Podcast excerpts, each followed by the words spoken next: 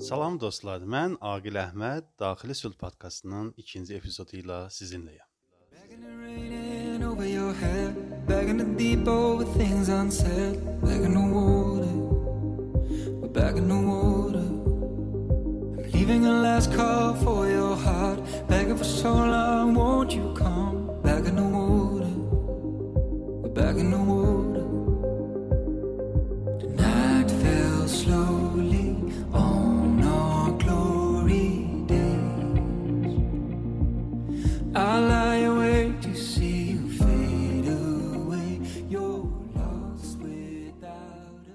a Bu gün istəyirəm sizinlə gələcəklə bağlı olan qorxularınızdan danışam. Bu elə bir hissdir ki, demək olar hamımız bununla əlbəyaxayıq. Ömrümüzün bir çox hissəsini bununla tələf edirik. Gələcək qorxusu təkcə davamlı stress deyil. Bəlkə bu stress ucbatından bir çox hallarda indiki zamanda yaşamağı, halımızı tələf etmiş oluruq və o qədər fikirlərimiz gələcəklə bağlı girinc olur ki, unuduruq biz indiki zamandayıq, anı yaşamalıyıq. Bu mövzu olduqca əhəmiyyətlidir. Çünki həyatımızın hamısına şamil ola bilər. O qədər kilidlənə bilirik ki, proqresliyi, hərəkət etməyi əldən verə bilirik. Gələcəyə dair olan nigaranlığımız bizi özündən məşğul etməklə hər anımızı dondura bilər.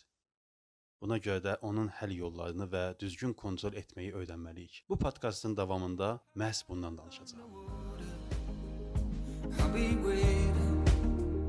Till you're ready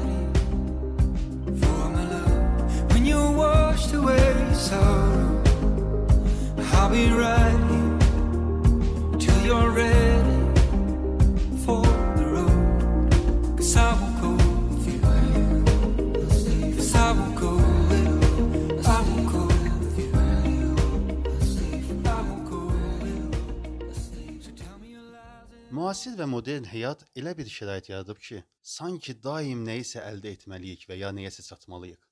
Belə ki, biz davamlı olaraq özümüzü təzyiq altında saxlayır və stressə salırıq. Hər şeyin daha çoxuna, artığına və daha artığına çatmaq istəyirik. Çox maraqlıdır.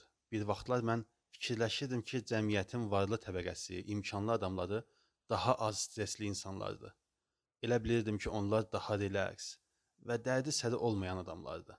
Lakin daha sonra başa düşdüm ki, insan tamahının sonu yoxdur. Həqiqətdə doyumsuz nəfs daşıyan insan üçün fərqi yoxdur nə qədər var dövlət ya sərmayəsi olsun.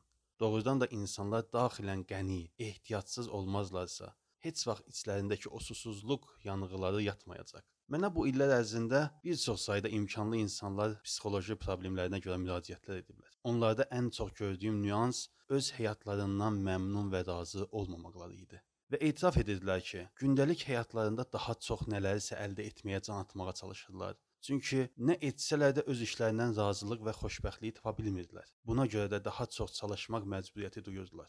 Hətta bu insanlar belə gələcəklə bağlı qorxuları, nigaranlıqları var idi. Olmaya birdən vəziyyət dəyişər, nəsə olar əllərində olanları itirərlər. Buna görə daha çox işləməyə, yığmağa özlərini məcbur bilirdilər. Beləliklə, indiki zamanlarından istifadə etmirdilər, anlarını, dəqiqələrinin dadını çıxarmırdılar. Bu olduqca maraqlıdır. Əminəm ki, siz də həyatınızda bu kimi hallarla rastlaşmısınız. Hətta orta və ya aşağı təbəqə üçün də bütün bunlar şamil oluna bilər. Təbii ki, oxşar və ya fərqli-fərqli misallarla. Məsələn, maddi imkanı zəif və ya orta səviyyəli bir insanı nəzərə alın.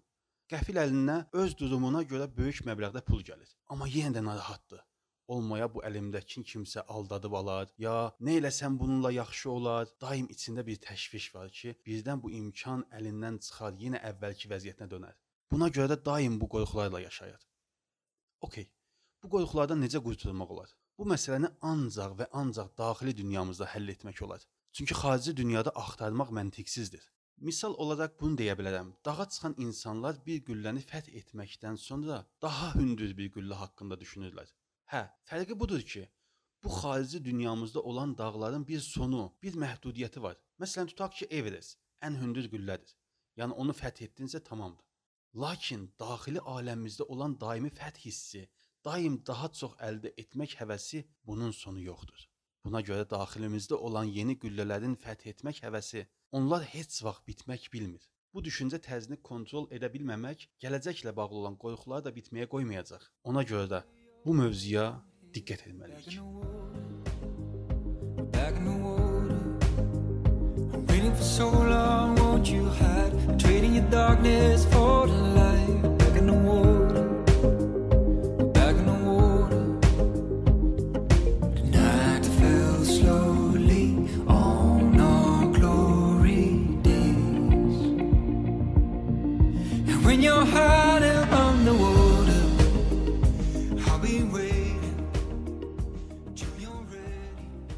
Unutmayın ki, çalışmaq yaxşı bir şeydir, amma nəinki stress və təzyiqlə. Müvəffəqiyyət yaxşıdır, amma nəinki əzab və dərd çəkməklə. Yəni hər hansısa bir fəaliyyəti görməyiniz nigaranlığa, stressə səbəb olursa, bu işin nə dəyəri oldu ki? Bir uğur, bir müvəffəqiyyət ancaq bizə dərd versə, əzab versə, o uğurun nə dəyəri, nə qiyməti olacaq? Bu incə nüansı ayırmağı bacarmalıyıq.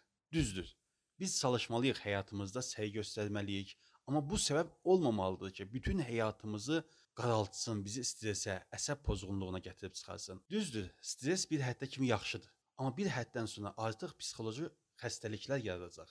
Bu haqqda Instagram səhifəmdə stress, eustress və distress barədə ətraflı izah da etmişəm. Kim istəsə, orada qısa dərslikə də baxa bilər.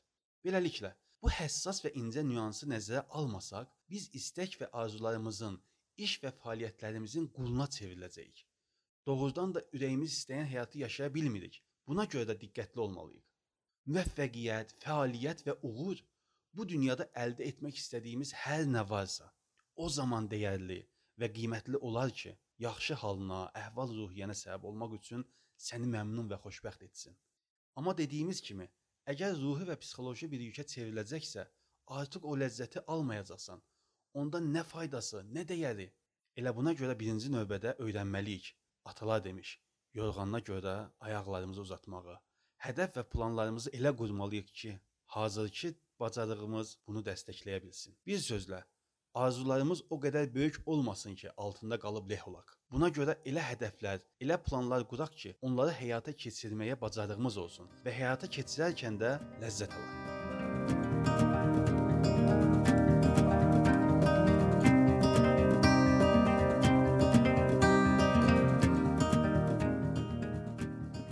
Daxili xoşbəxtlik, daxili şadlıq hədəfə çatdıqda deyil, bunu öyrənin. Şadlıq hədəflərin yolunda hərəkət edərkən, hər anında, hər dəqiqəndə olmalıdır. Buna görə də misal üçün tələbə ya bir idmançı və yaxud da bir futbolçu ancaq qol vuranda ya çempion olanda şad olmamalı. Bəlkə əsas olan budur ki, o məşqlərində özünü yaxşı hiss etməlidir. Əhval-ruhiyyəsini yüksək tutmalı, özündə razılıq və xoşbəxtlik hissini yaşamalıdır. Belə olan təqdirdə insan uğura doğru gedir. Lakin bunun əksi olsa, bütün məşq boyu, yarış boyu əzab, stres yaşasın, qorxu keçirsin, nə faydası? Nə faydası olacaq? Hətta medal alsa belə. Adama deyərlər, nəyi itirib, nə əldə etdin sən? İkinci dərk etməli olduğumuz məsələ budur ki, həyatın pauza düyməsi yoxdur. Bəzən elə bilirsən ki, bəzi kinolarda ya cizgi filmlərindəki kimi istədiyin vaxt saatın düyməsini vurursan, hər şey dayanır. Bilmirəm, o Bernard cizgi filminə baxmısan ya yox.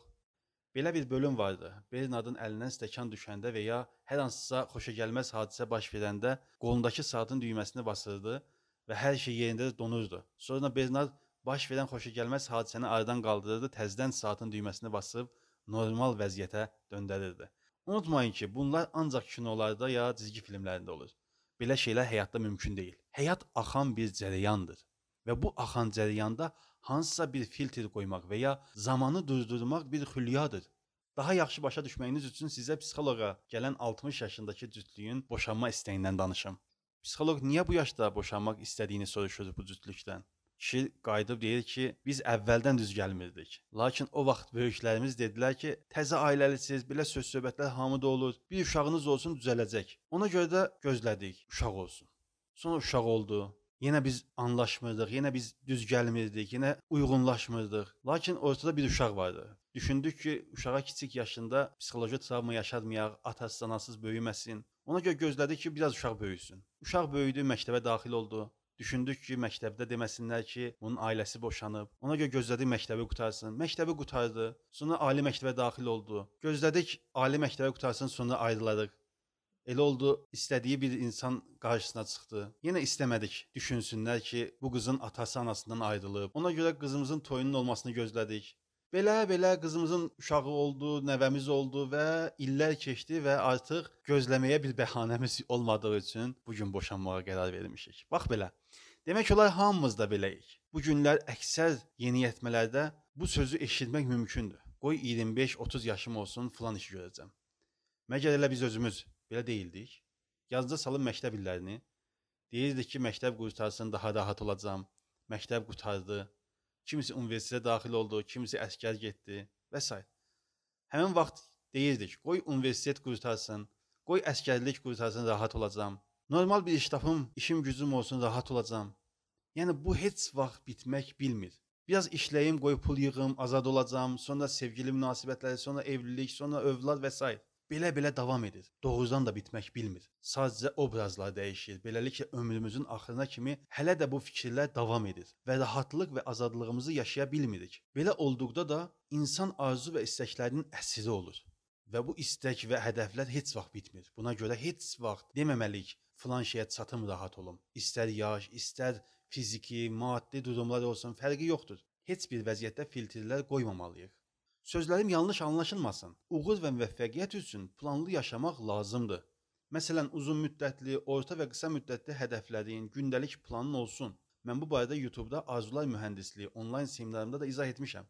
Qeyri-mümkündür ki, insan məqsəd qoymadan, gündəliyi olmadan müvəffəqiyyətə nail olsun. Yəni bu deyilən planlar qoyduğun məqsədə nail olmaq üçündür. Nəinki bütün həyatını əhatə etməlidir. Məsələn, 18 yaşlı bir gənc həkim olmaq istəyirsə, mütləq özü üçün proqram hazırlamalıdır. Tibb universitetinə qəbul olmaq üçün lazım olan keçid balını yığmalıdır. Universitetin təyin etdiyi 5 il, 6 illik təhsil proqramını tamamlamalıdır. Sonra bir neçə il praktika görüb iş təcrübəsini artırmalıdır. Ta ki, sərbəst klinikada həkim işləyə bilənə kimi. Bu sadaladığım yolu getmək üçün həmin gəncin bir planı, gündəliyi, proqramı olmalıdır. Amma bu o demək deyil ki, özü üçün bir şərt qoysun. Mütləq mən 700 bal toplamalıyam, yaz semestr imtahanlarımı yüksək balla tamamlamalıyam. Xüsusilə valideynlər də, böyüklər də bu yolda təzyiq göstərməməlidir. Gənclərə düzgün motivasiya olmalıdır. Hər bir insanın stres vəziyyətlərində olan duyğusal qıcıqlanması fərqlidir. Hər insan həyəcan və emosional hallarda müxtəlif reaksiya verdiyini başa salmalıdır. Yüksək bal və ya yüksək nömrə heç də müvəffəqiyyət göstəricisi deyil. Təbii ki, gənclər bunu başa düşməsə, imtahan vaxtı stressini kontrol edə bilməməsi, bildiklərini də unutması təbii haldır. Beləliklə yanlış filtr və şərtlərin qoyulması gələcək qorxusu, stressin idarə olunmaması, özünə yanlış zamanlama təyin olunması, bütün bunların hamısı səbəb olur məqsədindən yayınasan. Yenə də qeyd edirəm, uğur əldə etmək üçün gündəlik planlarınızın olması, özümüz üçün məqsəd və istiqamətin təyin edilməsi olduqca əhəmiyyətlidir. Lakin qeyd etdiyim kimi, yanlış filtrlərin və mənasız gözləntilərin səni məhdudlaşdırıcı düşüncələrin qoyulması inan ki, məqsədlərindən uzaqlaşdırıb daim gələcək qorxusunun içində yaşadacaq. Leave my heart open, but it stays right here empty for days. She told me in the morning she don't feel the same about us in her bones. İnanın ki, gələcək qorxusu sizin indiki durumunuzu hər hansı vəziyyətdəsinizsə düzəltməyəcək, heç daha da pisləşdirəcək. Buna görə də əziz dostlar, öz qədrinizi, əlinizdə olanların qədrini bilin, hər anınızdan, hər ləhzənizdən ləzzət alaraq yaşayın. Üzünüzdən gülüş, dilinizdən təşəkkür, qəlbinizdən ümid əsik olmasın. Story of my life, I take her home. I drive all night to keep her warm and time is frozen.